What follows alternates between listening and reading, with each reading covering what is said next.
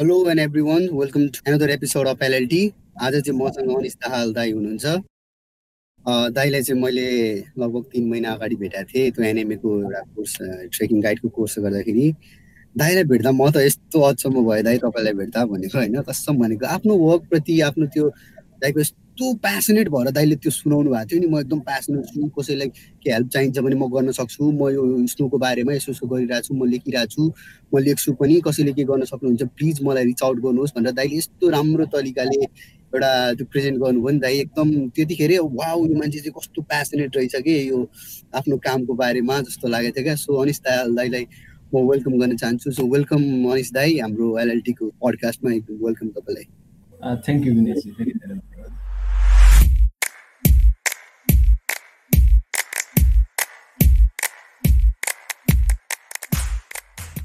के छ दाइ अनि के गर्दै हुनुहुन्छ अचेल? अहिले एकदम आरामै भनौँ बसी बसाइ लकडाउन छ तर पनि आफ्नो नियमित कार्यक्रम चलि नै रहेछ ठिकै छ। ए अनि म चाहिँ दाइ यो क्वेसन चाहिँ हाम्रो पडकास्टमा आउने सबैलाई सोध्छु कि यो क्वेसन चाहिँ मलाई एकदम इन्ट्रेस्टिङ पनि लाग्छ होइन? तपाईँ ट्राभलिङमा चाहिँ कसरी इन्भल्भ हुनुभयो? ट्राभलिङ चाहिँ कहिलेदेखि तपाईँको प्यासन भयो दाइ? यसको ठ्याक्कै सोध्नुहुन्छ भने चाहिँ म एउटै एन्सर दिन्छु। जबबाट मैले देखेँ जबबाट एकजनाले मलाई सोध्नु भएको थियो अलिकति अगाडि how come you love mountains भन्नुहुन्थ्यो क्या? अनि mountains are of course difficult but how come you love mountains भन्दा? मेरो चाहिँ एन्सर थियो I came to love mountains once I got to see then जबबाट मैले देखेँ जबबाट मैले हेरेँ त्यहाँदेखि चाहिँ मलाई माउन्टेनियरिङ ट्राभलमा टुरिज्ममा एक्साइटमेन्ट भयो हुन्छ। अब मसित ठ्याक्कै यही कारण पनि छैन। म first time if I recollect पहिलोचोटि मार्दी हिमालको बेस क्याम्पसम्म गएको थियौँ मार्दी हिमालको बेस क्याम्प जाँदाखेरि त्यो बिस्तारै जङ्गलमा लुक्दै लुक्दै गरेर एकैचोटि जब एउटा ओपन ठाउँमा आयो माछापुछ्री आँखै अगाडि सिधा देखियो र त्यो मोमेन्ट मेरो लागि डिसाइडिङ मोमेन्ट भयो। यो ट्राभल मन पराउनलाई टुरिज्म मन पराउनलाई र पछि घुम्दै गएपछि के थाहा भने मानव जीवनको एउटा भनौँ आफूभित्रको एउटा नयाँ पाटो खोलिदिँदो रहेछ। ट्राभलिङले जुन समय मान्छे आफैले आफैलाई प्रकृतिको अगाडि बिताउँछ त्यहाँदेखि चाहिँ विभिन्न प्रश्नहरू उठ्दै उत्तर खोज्दो रहेछ। त्यही मलाई चाहिँ ट्राभलिङ यस कारणले मनपर्छ। एकदम सही हो दाइ। अनि ट्राभलिङ गर्दाखेरि दाइ सबैभन्दा तपाईँलाई एकदम एट्र्याक्ट गर्ने कुरा ट्राभलिङको के जस्तो लाग्छ? केले चाहिँ ट्राभलिङमा ट्राभलिङलाई एउटा वर्थ इट बनाउँछ क्या? कुन फ्याक्टर छ लाग्छ? हजुर मेरो मेरो कन्टेक्स्टमा ट्राभलिङको फ्याक्टर भन्यो भने चाहिँ मलाई त्यो प्रकृतिसँग नजिक हुन मनपर्छ सबभन्दा। त्यो साइलेन्स त्यो हल्ला हल्ला प्रकृतिको नोइज एकदमै मिठो लाग्छ। जस्तै भनौँ सल्लाह सुसाइरहेको हुन्छ अथवा भनौँ खोला बगिरहेको हुन्छ एउटा अलिकति अल्टिट्युडमा जानु भने हावाको एउटा बेगले कानतिर हानिरहेको हुन्छ। त्यो नोइजी हुन्छ तर पनि इन्टरनल एउटा पिसफुल साइलेन्स हुन्छ।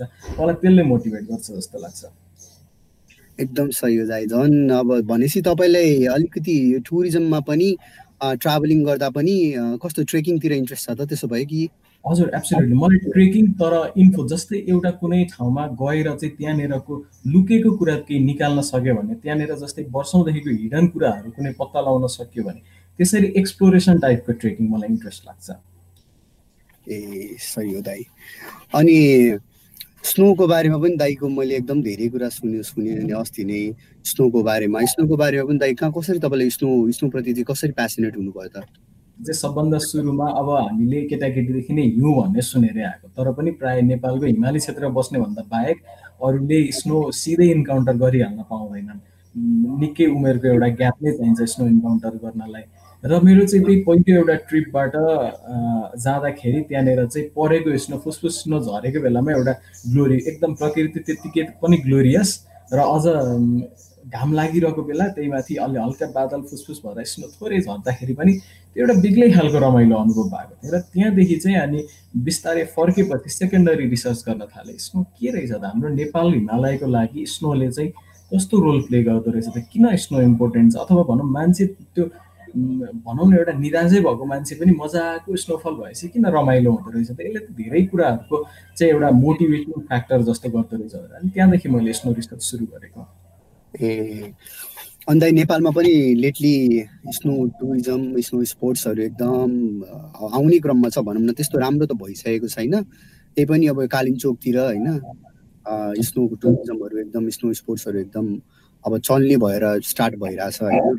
अब यसमा तपाईँको के टेक के छ दाइ? अब माथिको सोलिसिटेड जुन हिमालहरू छ नि हाम्रो माथि तपाईँलाई सिक्स थाउजन्ड सेभेन थाउजन्ड मिटरसम्ममा सम्मको हिमालहरू जुन छ हो त्यो एरियामा पनि अब तपाईँलाई फिनल्यान्डमा स्विडेनहरूतिर अनि फ्रान्सहरूतिर माथि माथिको एरियाजहरूमा पनि जुन स्पोर्ट्स टुरिज्महरूलाई के भनौँ एउटा अपर्च्युनिटी पाएको छ होइन।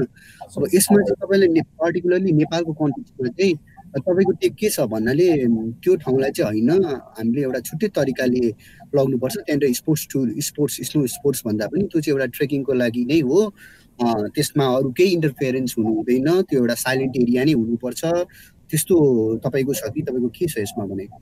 यो यो चाहिँ मैले रिसर्च गर्दाखेरि के भेटेको थिएँ भने युरोपको कन्टेक्स्टमा चाहिँ तपाईँलाई ग्लोबल टुरिज्म अराइभल कति हुन्छ युरोपको कन्टेक्स्टमा? त्यसमध्येमा चाहिँ लगभग फाइभ हन्ड्रेड फिफ्टी मिलियन जस्तो चाहिँ आउँदो रहेछन् टोटल युरोपमा प्रत्येक वर्ष। र जसमध्येमा वान हन्ड्रेड फिफ्टी मिलियन जस्तो चाहिँ आल्पमा मात्रै जाँदो रहेछन् टुरिस्टहरू।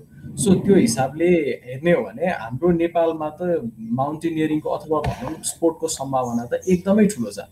अब माउन्टेन्सहरू माउन्टेन्समा ट्रेकिङ गरिन्छ तल बेस क्याम्पसम्म माउन्टेनियरिङ गरिन्छ त्योभन्दामा सिक्स थाउजन्डभन्दा माथि उचाइमा। तर पनि हामीले मलाई लागे अनुसार चाहिँ नेपालको कन्टेक्समा केही लिङ्क मिस गरिरहेको छौँ। माउन्टेन स्पोर्ट्सको डाइभर्स पोसिबिलिटी छ।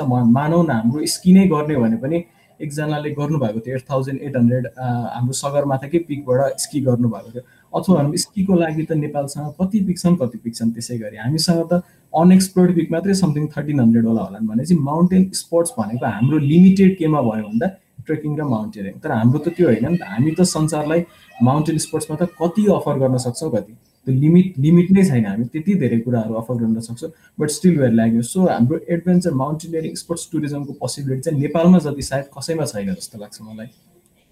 सही दाइ मलाई पनि त्यस्तै लाग्छ तर मेरो एउटा त्यो पार्ट म भित्रको एउटा पार्टले चाहिँ के भन्छ भन्दाखेरि होइन किन युरोपलाई फलो गर्नु होइन किन त्यस्तो गर्नु? हामी चाहिँ एउटा वाइल्डनेस खालको एडभेन्चर पनि त दिइरहेको छौँ नि त संसारलाई एउटा वाइल्ड वाइल्डरनेस छ एक्लै त्यो ठाउँमा कोही छैन होइन? त्यो पनि एउटा पार्ट फेसिनेटिङ लाग्छ फेरि यो पनि लाग्छ। म चाहिँ त्यो अब आफैले डिसाइड गर्न सक्दिनँ। एकदम जायज पनि किनभने हामी यदि सस्टेनेबिलिटीको इस्यु पनि ख्याल गर्नुपर्छ। यदि माउन्टेन स्पोर्ट्स भनेर चाहिँ हामीले हाम्रो प्रिमियम हिमालहरू भनौँ न आठ हजार माथिका हिमालहरूमा चाहिँ टुरिस्टको यत्तिकै ओहिरो पठाइदिउँ भने त्यो पनि जायज हुँदैन। त्यसको लागि पनि अल्टरनेटिभ छ किनभने हाम्रो हिमालको प्रोग्रेसन हेर्ने हो भने पूर्वदेखि पश्चिमतिर जाँदाखेरि बिस्तारै होचा होचा होचा होचा हुँदै गएको छन्। म्याक्सिमम् जति पनि हिमालहरू अग्ला अग्ला हिमालहरू छन् आठ हजार मिटरभन्दा माथिका हिमालहरू प्रायः पूर्व र बिचतिर छन् भने पश्चिमतिर अलिक कम कम हुँदै। हामी पूर्वको यताको अग्ला अग्ला हिमालहरूलाई चाहिँ हामी प्रिमियम हिमाल विल्डरनेस जहाँ चाहिँ अलिकति एउटा फिजिकलिटीले मेन्टालिटीले दह्रो भएर गएको मान्छेले एक्सपिडिसन जितेर ल्याउन सक्छ। त्यो कन्क्वेरिङ फिल यता हाम्रो हाई हिमालयजलाई दिन सक्छौँ भने हामीसँग सैलुङ जस्ता ठाउँहरू छन्। अपी साइपालतिरका चाहिँ ती हाई मेडोहरू छन् जहाँनिर चाहिँ सिजनल स्कीको पोसिबिलिटी चाहिँ हामी त्यतातिरको लागि चाहिँ कमर्सियल माउन्टेन टुरिज्म चाहिँ त्यतातिरको लागि गर्न सक्छौँ। हामीसँग त्यो पोसिबिलिटी पनि छ। सही हो त। हिमालको कुरा गरिराख्दाखेरि एउटा कुरा याद आयो क्या त? यो हिमालहरू चाहिँ कसरी फर्म भयो होला है? यो यो अर्को अर्को रमाइलो रमाइलो पाटो लाग्छ यो चाहिँ। जस्तै आज हामी माउन्टेन हाम्रो स्पेसल्ली हिमालयको फर्मेसनको कुरा गर्दाखेरि चाहिँ आज हामी जुन ठाउँमा थियौँ भनौँ न लगभग पाँच सय मिलियन वर्ष जस्तो अगाडि पचास करोड वर्ष जस्तो अगाडि यो ठाउँमा समुद्र थियो ठुलो समुद्र थियो। तेथिस सी भन्छ त्यसलाई। आज वास्तवमा हामी यो जुन उठेको छ यो ठाउँ समुद्रको बटम हो। त्यसपछि चाहिँ के भयो भन्दा पहिले पृथ्वी एउटा सिङ्गो डल्ला थियो। यहाँ जमिन एक ठाउँमा डल्लो परेको थियो बाँकी सबै समुद्र थियो। त्यसलाई प्यान्जिया भनिन्थ्यो। र बिस्तारै चाहिँ के भयो भने एउटा इन्टरनल फोर्स इस्टाब्लिस भयो। त्यो इन्टरनल फोर्सले चाहिँ के गर्यो भने पेन्जियालाई छुट्याइदियो। नर्थ अमेरिका साउथ अमेरिका छुट्टिन थाल्यो। इन्डिया चाहिँ यता इन्डिया र अस्ट्रेलिया चाहिँ एउटा सिङ्गल कन्टिनेन्ट जस्तो थिए। त्यसपछि के भयो भने लगभग सत्तरी मिलियन वर्ष अगाडि चाहिँ एउटा कम्प्रेसिभ फोर्स आयो र जसले चाहिँ इन्डियालाई पुस गर्न थाल्यो यता युरेसियातिर इन्डिया आज हामी जहाँ छ त्यहाँभन्दा धेरै टाढा थियो। अस्ट्रेलिया लगभग अस्ट्रेलियाको नजिकतिर। पुरै कन्टिनेन्टल ड्रिफ्ट नै भएको हो। हजुर एब्सोल्युटली कन्टिनेन्टल ड्रिफ्ट भएको। र त्यहाँदेखि लगभग दस मिलियन वर्ष अगाडि जस्तो चाहिँ अब इन्डियन प्लेट चाहिँ सबडक्ट हुन थाल्यो। यता युरेसियन प्लेटमा र त्यसपछि के भयो भने ती दुईवटा प्लेट ठोकिएको हुनाले चाहिँ र एउटा प्लेट सब्डक भएको हुनाले त्यहाँ बिचको तेथिसीको पानी सबै सकियो। र त्यो चाहिँ ल्यान्ड क्रम्बलिङ भनौँ न एउटा फोल्ड बन्न थाल्यो। जियोलोजिकल फोल्ड भन्छ त्यसलाई। जियोलोजिकल फोल्ड बनेर चाहिँ आज जुन हिमालहरू छ पहिलो कम्प्रेसिभ फोर्सले अग्लो अग्लो हिमाल बनायो जस्तै आज हाम्रो आठ हजार मिटरका हिमालहरू यी भनौँ न हिमाल हाई हिमालयन जोनहरू पाँच हजार मिटरभन्दा अगाडिकाहरू ती फर्स्ट फोर्सले बन्यो भने त्यसपछि फेरि अर्को फोर्स आयो। अर्को फोर्सले चाहिँ सेकेन्ड हाम्रो महाभारतहरू बने अथवा भनौँ यो मिडल हिल्सहरू बनेर अर्को थर्ड कम्प्रेसिभ फोर्स आएर चाहिँ चुरेहरू बने। त्यसपछि अब बिस्तारै हिमालमा चाहिँ चिसो अलिकति अग्लो ठाउँ भएर चिसो भएको हुनाले चाहिँ त्यहाँ पानी जम्दै कन्डेन्सेसन हुँदै गर्दा खोलाहरू बन्न थालेर तिनले बगाएको सेडिमेन्टहरू चाहिँ आज तराई भयो। यसरी हाम्रो हिमालहरूको फर्मेसन चाहिँ यसरी कम्प्रेसिभ टेक्टोनिक फोर्सले गर्दा भएको त्यो शालिग्राम पनि दाइ माथि हिमालतिर पाउँछ भनेर भन्छन् नि। हजुर हो। यो शालिग्राम भनेको चाहिँ तिनीहरू वास्तवमा हामी अब विष्णुको एउटा अवतार मान्छौँ आफ्नो ठाउँमा छ। धर्म बिकज कल्चर भनेको अफकोर्स कल्चर भनेको कल्चर। हामीलाई कल्चरले नै आइडेन्टिफाई गराउँछ बाहिरतिर।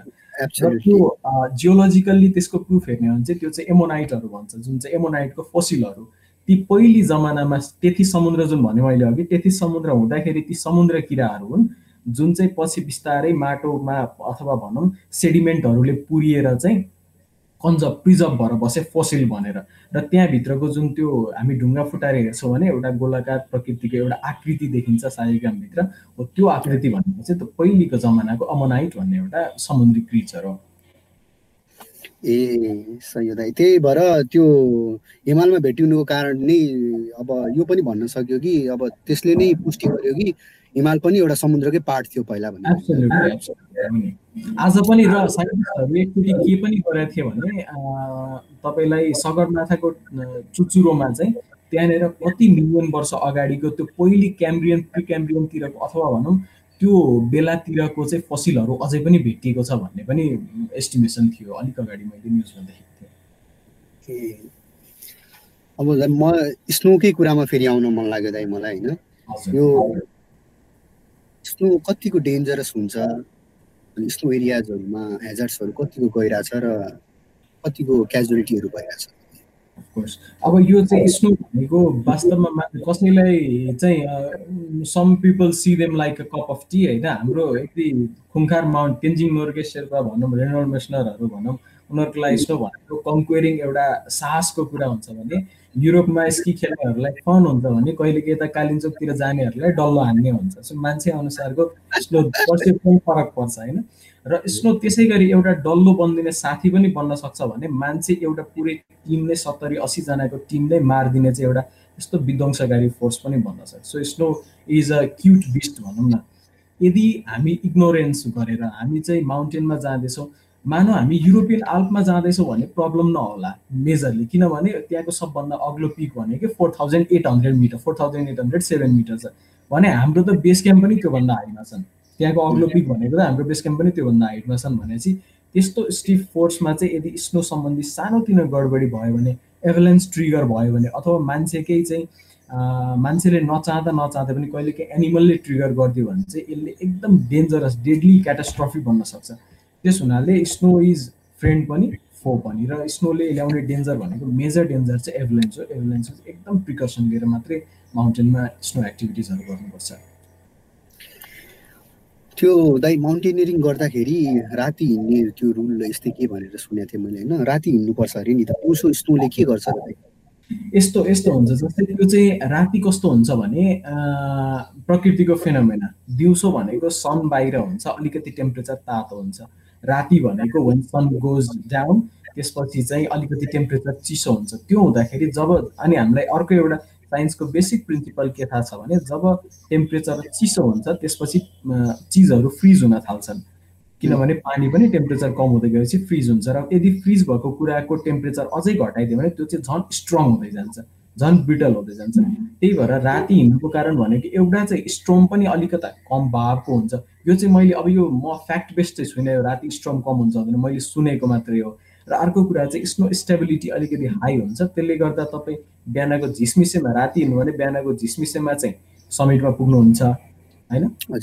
नजिकै पुग्छन् टाढा पुग्छन् एघार बाह्र बजीसम्म भनेपछि तपाईँको त्यो यदि दिउँसो हिँड्नु भने दिउँसोको तातेको टेम्परेचरले स्नोको फिक्सचर अलिकति स्नोको जुन स्टेबिलिटी हुन्छ त्यो चाहिँ विक बनाइदिन सक्छ र त्यो हुँदा क्र्याकहरू बन्ने अथवा भनौँ एभलेन्स खस्ने डर हुन्छ त्यही भएर चाहिँ मेजर समिटरहरू प्राय राति ट्राभल गर्नुहुन्छ। स्नोको स्ट्रक्चरहरू हेरेर चाहिँ थाहा पाउन सकिन्छ कि त्यो कति डेन्जरस स्नो हो अथवा त्यसले केही गर्न सक्छ कि सक्दैन भनेर। त्यो पनि सकिन्छ जस्तै अब स्नोको यदि स्ट्रक्चर नै हेर्दाखेरि हाम्रो चाहिँ कस्तो हुन्छ भने स्नोले चाहिँ एउटा मेटामोर्फोसिस भन्छ क्या। मेटामोर्फोसिस भनेको कुनै पनि चिजको ओरिजिनदेखि एन्डसम्मको एउटा बाटो भनौँ न। कसरी चाहिँ ट्रान्सफर्म हुँदै जान्छ। स्नोको मेटामोर्फोसिस हेऱ्यो भने पर्दाखेरि एउटा स्नो क्रिस्टल हेक्जागनल हुन्छ। हेक्जागन सेपको र एकदमै स्ट्रङ अथवा भनौँ उसको नेचर हेरिकन स्ट्रङ हुन्छ। भने बिस्तारै जब पन्ध्र दिन हुँदै गएपछि पच्चिस दिन हुँदै गएपछि अन्तिममा चाहिँ साठी दिन हुँदै गएपछि त्यो अन्तिममा वाटर बनिदिन्छ पानी बनिदिन्छ टेम्परेचर हाई भयो भने अथवा टेम्परेचर चाहिँ लो भइरहेको भने अर्को स्नो पर्छ अर्को स्नो पर्छ। फिक्सचर बनिदिन्छ जस्तै यही हिसाबले एभलेन्स प्रेडिक्ट गर्नलाई चाहिँ हामी के गर्न सक्छौँ भने जस्तै कहिले काहीँ स्नो एक मुठी स्नो चाहिँ यसरी लिएर हातमा फ्रिज गरिदिउँ होइन? हातमा यसरी जमाइदियो भने यदि त्यहाँबाट पानी हजुर मुठी पारियो भने चाहिँ यदि त्यहाँबाट पानी चुइन्छ भने त्यो चाहिँ स्नो बिस्तारै वाटर बन्न थाल्दैछ त्यो डेन्जरस हुनसक्छ भने यदि पानी चुइँदैन कङ्क्रिट भएर डल्लो बनेर बस्छ भने चाहिँ त्यो स्ट्रङ छ त्यसरी पनि गर्न सकिन्छ रुखको पत्ता लगाउन सकिन्छ होइन? विभिन्न प्रोसेसहरू हुन्छन्। ए सही सही हो।